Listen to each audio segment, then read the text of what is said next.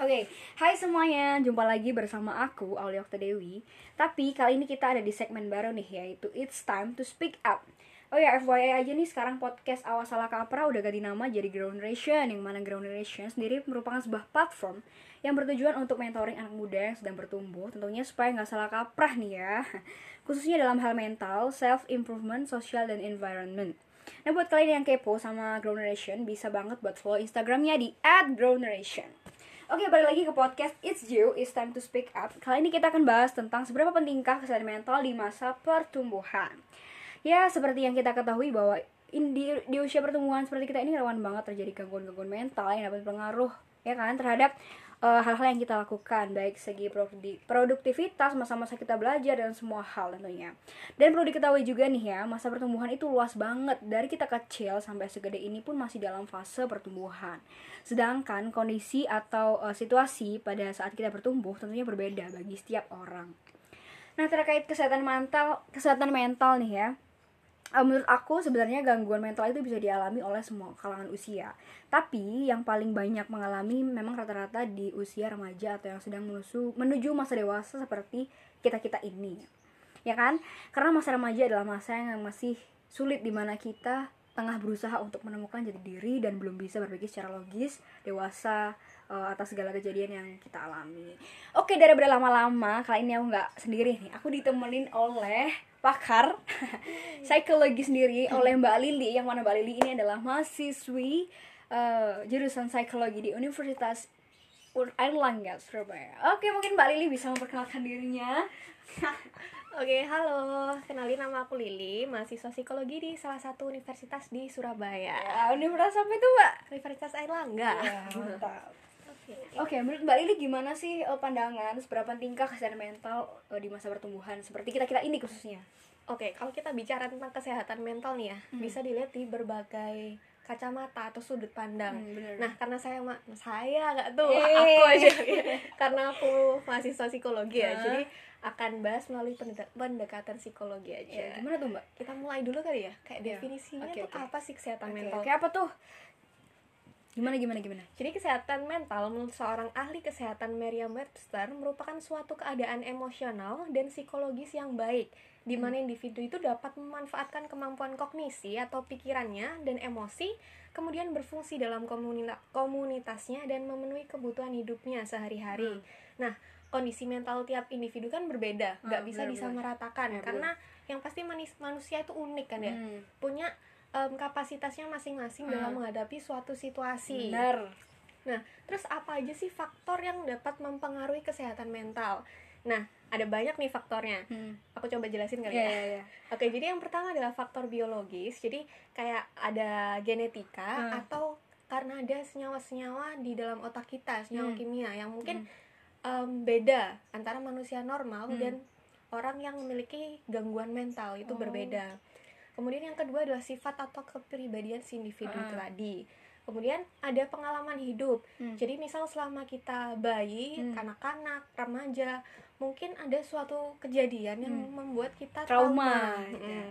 atau mungkin di mereka juga mengalami pelecehan mungkin hmm. jadi hal-hal seperti itu kemudian ada riwayat keluarga dengan masalah kesehatan mental hmm. jadi kalau misal kamu punya orang atau keluarga deket yang mengalami kesehatan mental tuh kayak hmm pasti ada ngaruhnya ke mm -hmm. kamu karena kamu intinya kayak diasuh gitu uh -uh. kan kayak berinteraksi Lingkungan dengan mereka ya, kemudian ya ada gaya hidupmu seperti pola makan hmm. aktivitas fisik dan mungkin penggunaan zat-zat tertentu misalnya oh. narkoba oh, kayak gitu ya kemudian yang tadi kamu sebutin tadi itu lingkungan hmm. bisa dari keluarga hmm. atau teman-teman sekolah kamu hmm. pendidikan keagamaan dan lain-lain Wih, banyak banget ya mbak berarti iya, banyak sesuatu banget. yang bisa mempengaruhi uh, kesehatan mental seseorang.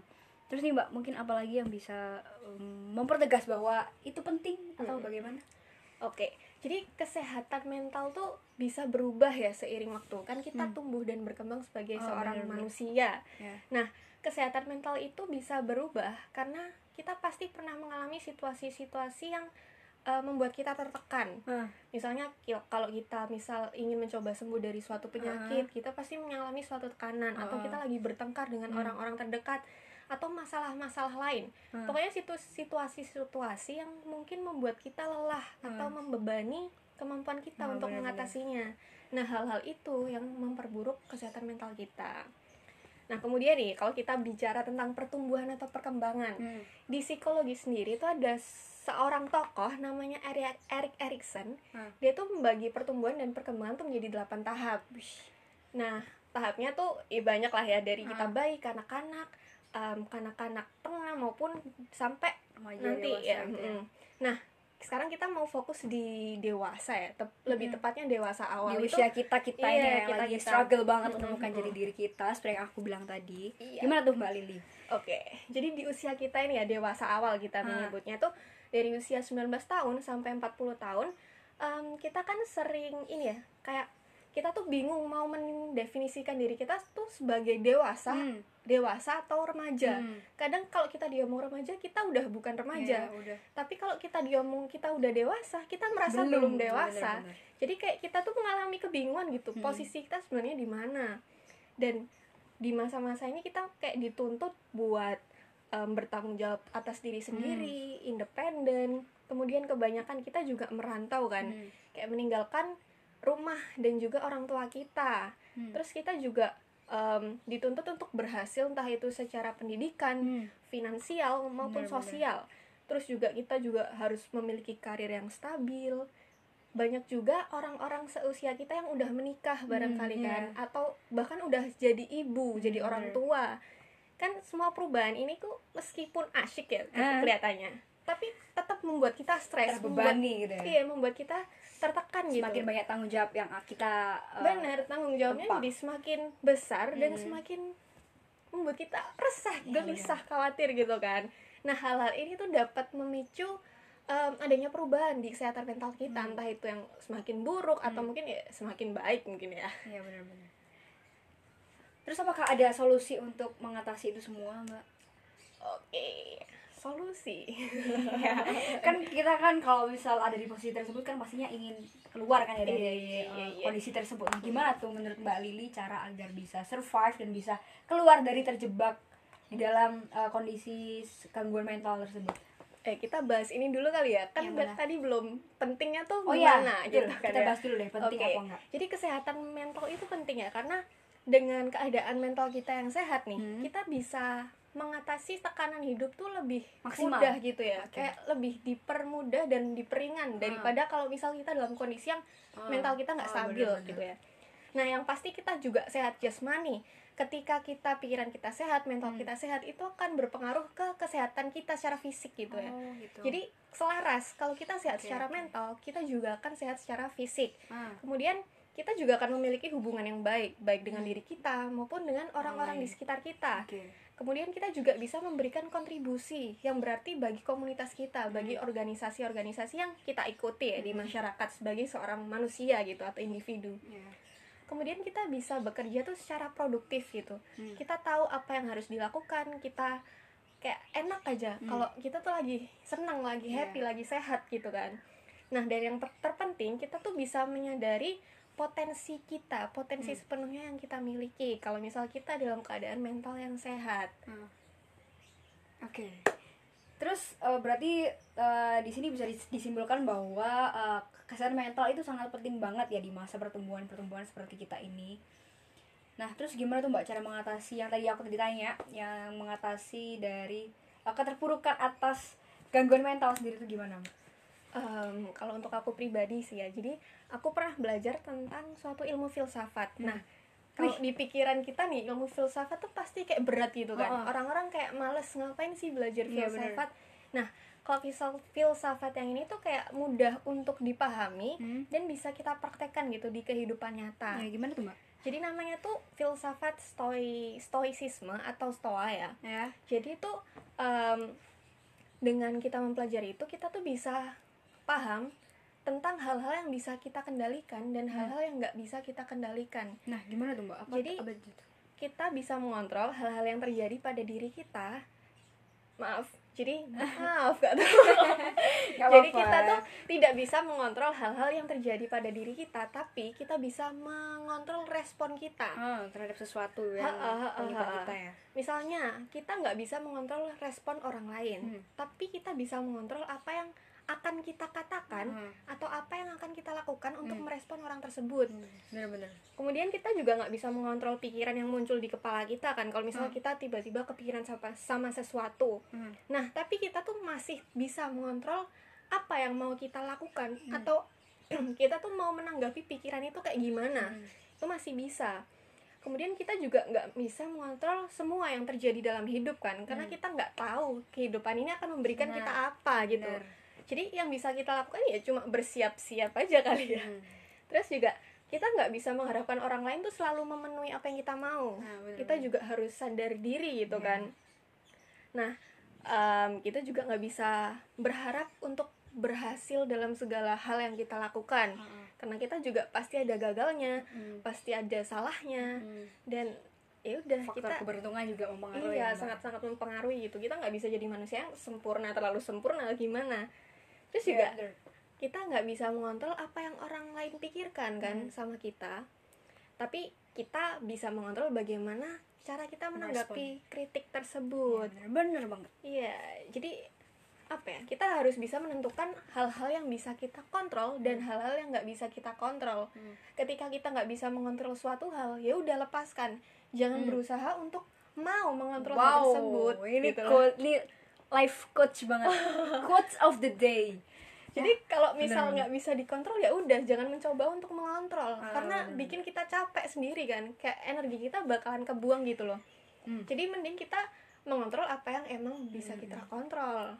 dan berarti ini semua mencakup tentang mindset ya mbak Iya iya iya. Oke, Mungkin jadi kita harus menyadari aja yang mana yang bisa kon- Oh. kita kontrol dan yang enggak.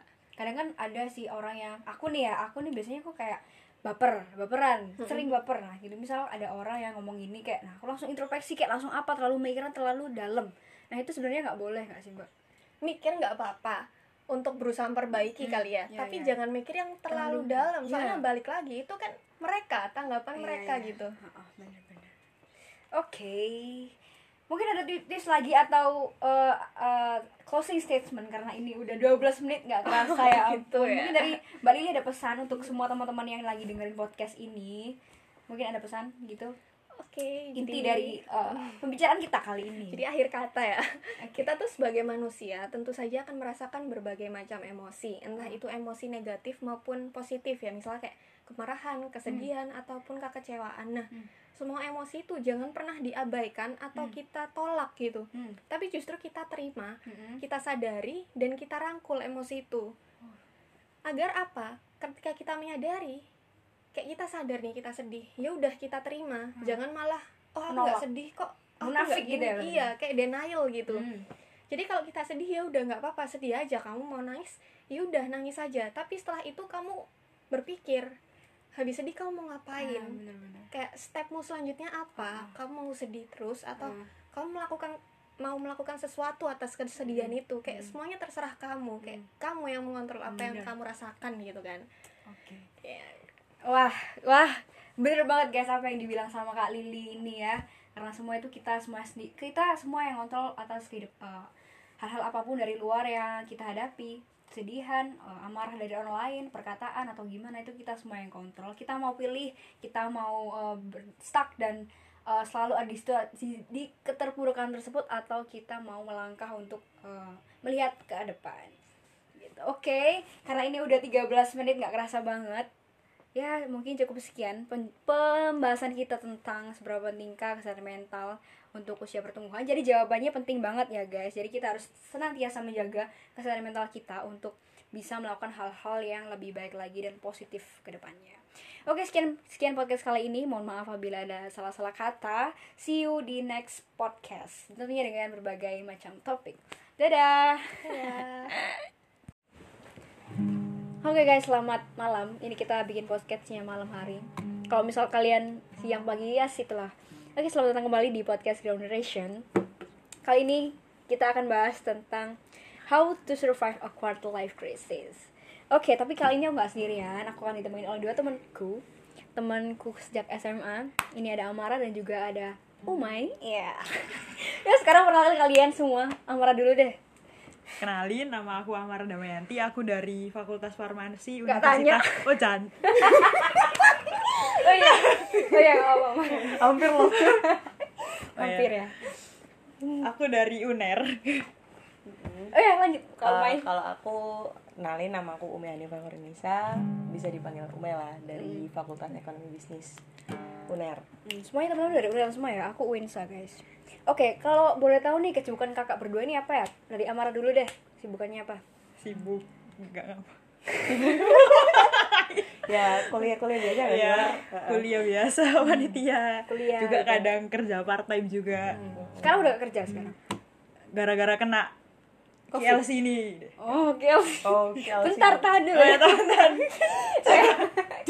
oke oke selanjutnya Kak Umay deh perkenalkan ya perkenalkan coba kita boleh tahu dong kesibukannya kesibukannya Kak Umay apa aja ya ya udah sih cuman kayak kuliah online aja biasa Beban aja. oh nggak tidur ya Kepanitan eh nggak tidur iya. nggak libur kan ya enggak Lebih ke beban aja sih. lebih ke Lebih ke beban beban keluarga. aja sih. kita pasti nggak sih di umur umur kayak kita kayak kita gini nih Iya, minta beban. uang. Mm-mm. Oke, ngomong-ngomong nih di dunia perkuliahan tuh ada apa aja sih kayak eh, masalah atau lika-liku kehidupan di dunia perkuliahan? Tuh mungkin barangkali ada bisa di-share ke teman-teman sekalian. gimana gimana gimana Jadi yang pertama itu aku nggak eh, angkatan 2020 sih. Jadi awalnya itu aku angkatan 2019, cuman aku ngulang kuliah lagi. Jadi dulunya itu aku kuliah di UNESA, terus kayak mikir kan ke depannya besok gimana, bingung kalau nggak dapat kerja itu gimana. Ya udah aku akhirnya nyoba buat SBM lagi ya udah akhirnya aku di UNER. Terus kayak survive survive survive survive survive buat ke kuliahnya sih agak susah juga. Hmm. kan aku dari beralih dari sosum ke saintek. Coba kalau kak Umay. Wah, berat sekali ya berarti dari Sosum ke Saintek ya. Gimana sih kalau Kak Umay gimana? kalau aku kebalikannya Amara sih. Dari SMA ini aku tuh saintek. Terus harusnya aku juga angkatan 19 kayak Amara cuman Eh. gap year kadang-kadang nggak terima kan. Iya. terus angkatan eh, tahun 2020 ini aku coba lagi SBM keterima di Sosum sih alhamdulillah ya udah sih gitu doang Emang eh, perbedaannya apa sih kalau dari Sosum sama Saintek sendiri emang terlalu mendalam gitu ya? Kalau buat ke saintek sih lebih ke pelajaran fisika, kimia, biologinya sih. sains Menonjol gitu ya. Lebih Kalau Sosum apa? sosial Oh, berarti lebih ke interaksi masyarakat itu ya. Hmm. Oke. Ngomong-ngomong nih kalau misalnya kendala itu pernah nggak sih kalian mengalami quarter life crisis? Pernah jadi kayak Oh ya, sebelumnya buat yang teman-teman di sini, quarter life crisis itu apa? Jadi, menurut dokter Meva Nareza, quarter life crisis adalah krisis seperempat abad di mana periode saat seseorang berusia 18 sampai 30 tahun merasa tidak memiliki arah, khawatir, bingung dan galau akan ketidakpastian kehidupannya di masa mendatang. Jadi buat kita, kalau aku masih 19 sih. Jadi masih rawan terjadi quarter life crisis. Ya kayak teman-teman semua kan juga 19 tahun kan ya, bener kan? Oke. Oke, lanjut. Eh, aku besok sih kayaknya. Oh ya. Ya, Oke lanjut kita ke KLC. Kalau dari Amara sendiri gimana? KLC pernah nggak? jadi kan awal pertamanya itu udah dimulai dari semester satu kuliah ya. Gara-garanya kan aku udah Itu yang di UNER, yang di, yang di UNER. Oke. Kan aku mikirnya aku pindah dari sosum ke saintek, jadi itu kayak agak ribet ngejar agak ribet ngejar materinya kan. Jadi Hmm. kayak otomatis kayak ngulang dari awal lagi materi-materinya. Kan Hmm. kebetulan juga SBM yang tahun 2020 ini kan cuman pakai TPS. TPS ya. TPS. Jadi kayak udah nggak belajar kimia, fisika, biologinya. Jadi kayak ngulang dari awal lagi. Jadi kayak dari nol lagi ya kayak isi Dari- bensin ya. Iya dari nol lagi kayak isi Dari bensin. nol, Kak.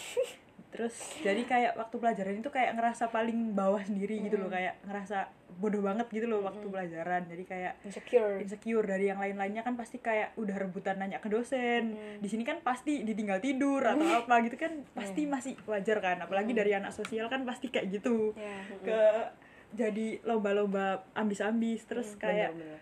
pas udah eh, pas di semester 2 ini kan udah bagi hasil IPK nih jadi Hmm. kayak agak-agak sesuai sama harapan gitu ya jadi kayak udah mulai bingung mau lanjut ke mana ini dengan IPK segini terus juga ketambah beban dulu juga kerja jadi kayak ada sempet nyeselnya kan kayak ngapain dulu kerja kalau IPK dapat segini jadi kayak agak nge ngeduain kuliah gara-gara kerjaan part time ini. Jadi kalau buat kalian sih juga pinter-pinter bagi waktu aja. Jadi pas kuliah ini aku sempet bingung kan gara-gara kayak IPK aku segini aku besok mau kerja di mana? Terus kayak sedih juga jadi beban orang tua udah dibiayain kayak gini-gini cuman kok hasilnya nggak maksimal. Jadi eh, buat ke depannya sih buat kalian ya kalau menurut aku sih semester 2 ini atau semester apa masih semester kecil itu lebih dibawa santai aja sih. Kan masih bisa kayak ngulang atau apa. Jadi kayak nikmatin aja kuliah jangan dibuat beban. Aku juga nyesel kok akhirnya kayak dibuat beban-beban gini. Hmm. kalau buat kak Umay gini gimana? Oh, tahu pernah ya Eh, soalnya kan ini kan kuliah online gitu ya. Ah. bagus lah buat memperbaiki Oh. IP gitu ya nggak sih? Kalau buat saintek jangan harap ya guys. Berarti berarti berarti nggak pernah nih ngalamin quarter life crisis? Eh, kayaknya masih belum sih masih belum nemu mantap bisa ya ada orang yang masih belum nemu ya semoga Kalau- nggak nggak nemu ya Iya. semoga ya emang kalau dari mbak Amar sendiri kalau masa-masa KLC gini apa yang dirasain kayak misal stres atau depresi atau tidak kehilangan apa ya tidak Jadi kehilangan gitu. Heeh.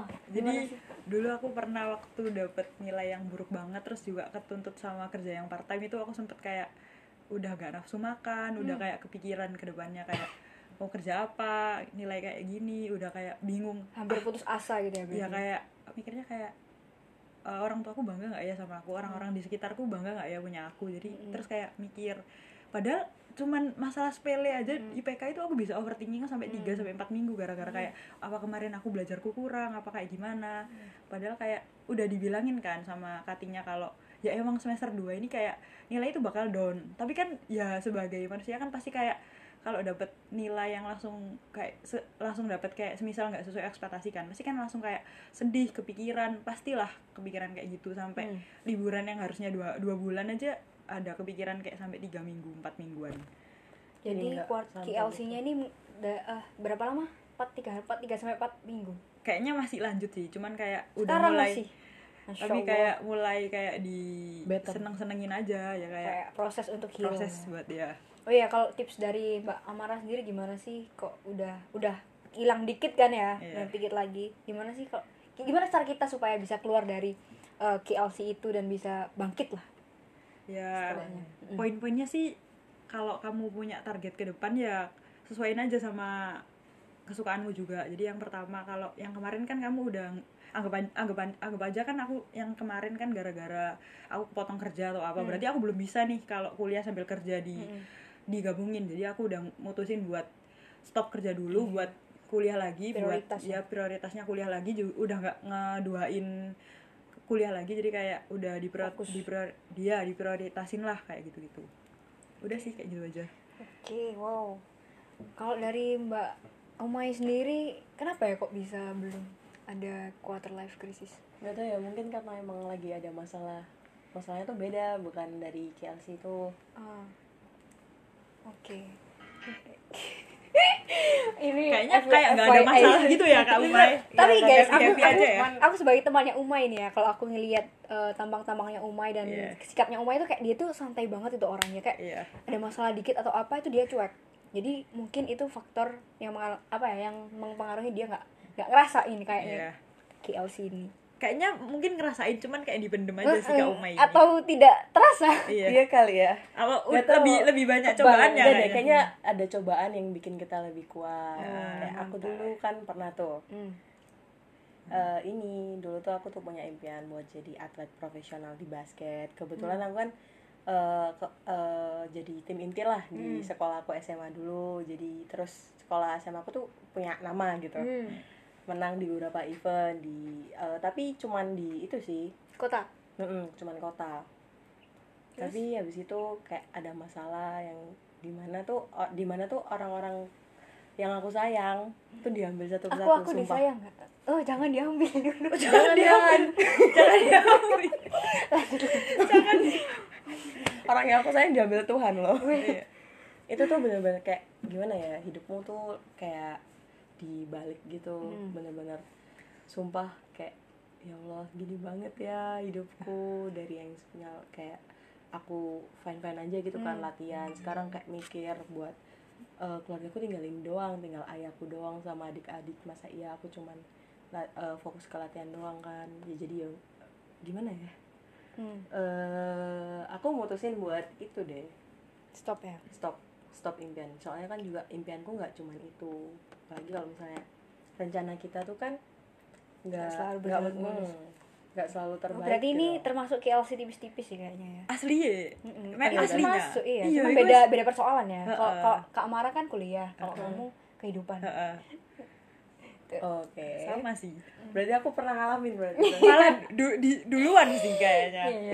duluan sih Oh ya, jadi karena ini udah 10 menit, kira-kira kita kasih pesan apa nih buat teman-teman yang lagi dengerin podcast? Siapa tahu membutuhkan. Barangkali mereka lagi KLC dan butuh eh, jangan untuk coba, bisa coba. survive dan keluar. Dari menurut kalian Amar, apa? coba. ya dari Amar dulu deh. Kalau kamu emang lagi down itu nggak usah dipikirin daunnya tapi buat semangat lagi buat ke depannya itu kayak gimana? Yang udah berlalu itu ya udah berlalu aja buat ke depannya itu kayak se- semangat masih ada yang masih bisa diperbaiki masih bisa dijalani. Sedih itu pasti tapi berhasil itu pasti jadi harapan pasti. Oke oke. Sip sip. Mantap banget ya. dari banget. Kak Amara ini. kena banget ya. kalau buat kak Um Kak kak Umay gimana? Kak itu gimana? kalau dari aku sih cuman eh, kalau rencana rencana kita itu nggak selalu terbaik gitu bagi kita. Ada yang lebih baik lagi. Ya kayak rencananya Tuhan. Iya. rencana teman-teman. Ya itu Iya. sih. Terus juga impian tuh nggak cuma satu Hmm. kalian tuh jangan jangan cuma stuck di satu impian Iya, itu betul. pasti ada lagi ada lagi gitu kan Iya. sama kayak banyak jalan menuju sukses Iya. banyak jalan menuju Roma betul ya nggak sih Mm-mm. jadi kalau misalnya kita gagal di satu jalan masih ada ribuan jalan lagi Iya. untuk bener banget dilewati. Kalau dari aku nih ya, bener banget apa kata Kak Amara sama Kak Umay tentang uh, quotes tadi. Cuman aku mau nambahin kalau misal kalian ada di posisi itu, ya udah kalian nikmatin aja sedih-sedihnya, kalian nikmatin uh, kecemasan itu dan bikin introspeksi diri kayak uh, semuanya itu harus bisa diubah. Eh semuanya bisa berubah tergantung gimana cara kita menyikapinya dan satu lagi jangan terlalu memikirkan apa yang belum benar-benar terjadi. Jadi iya bener uh, keep positive thinking, keep action, keep doing what you do right now dan jangan pantang menyerah. Oke? Ya kira-kira gitu aja.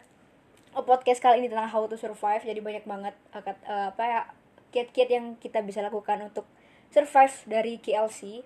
Jadi buat kalian yang lagi ngalamin semangat dan pelan-pelan menghadapinya uh, uh, kita percaya pasti bakal Bisa terlewati lah. uh, benar. Heeh. Oke segitu aja Terima kasih teman-teman karena udah mendengarkan podcast podcast satu ini Habis ini kita akan uh, take lagi Tunggu ya Ada judul yang surprise. Oke ya Jadi stay tune Terima kasih semuanya Bye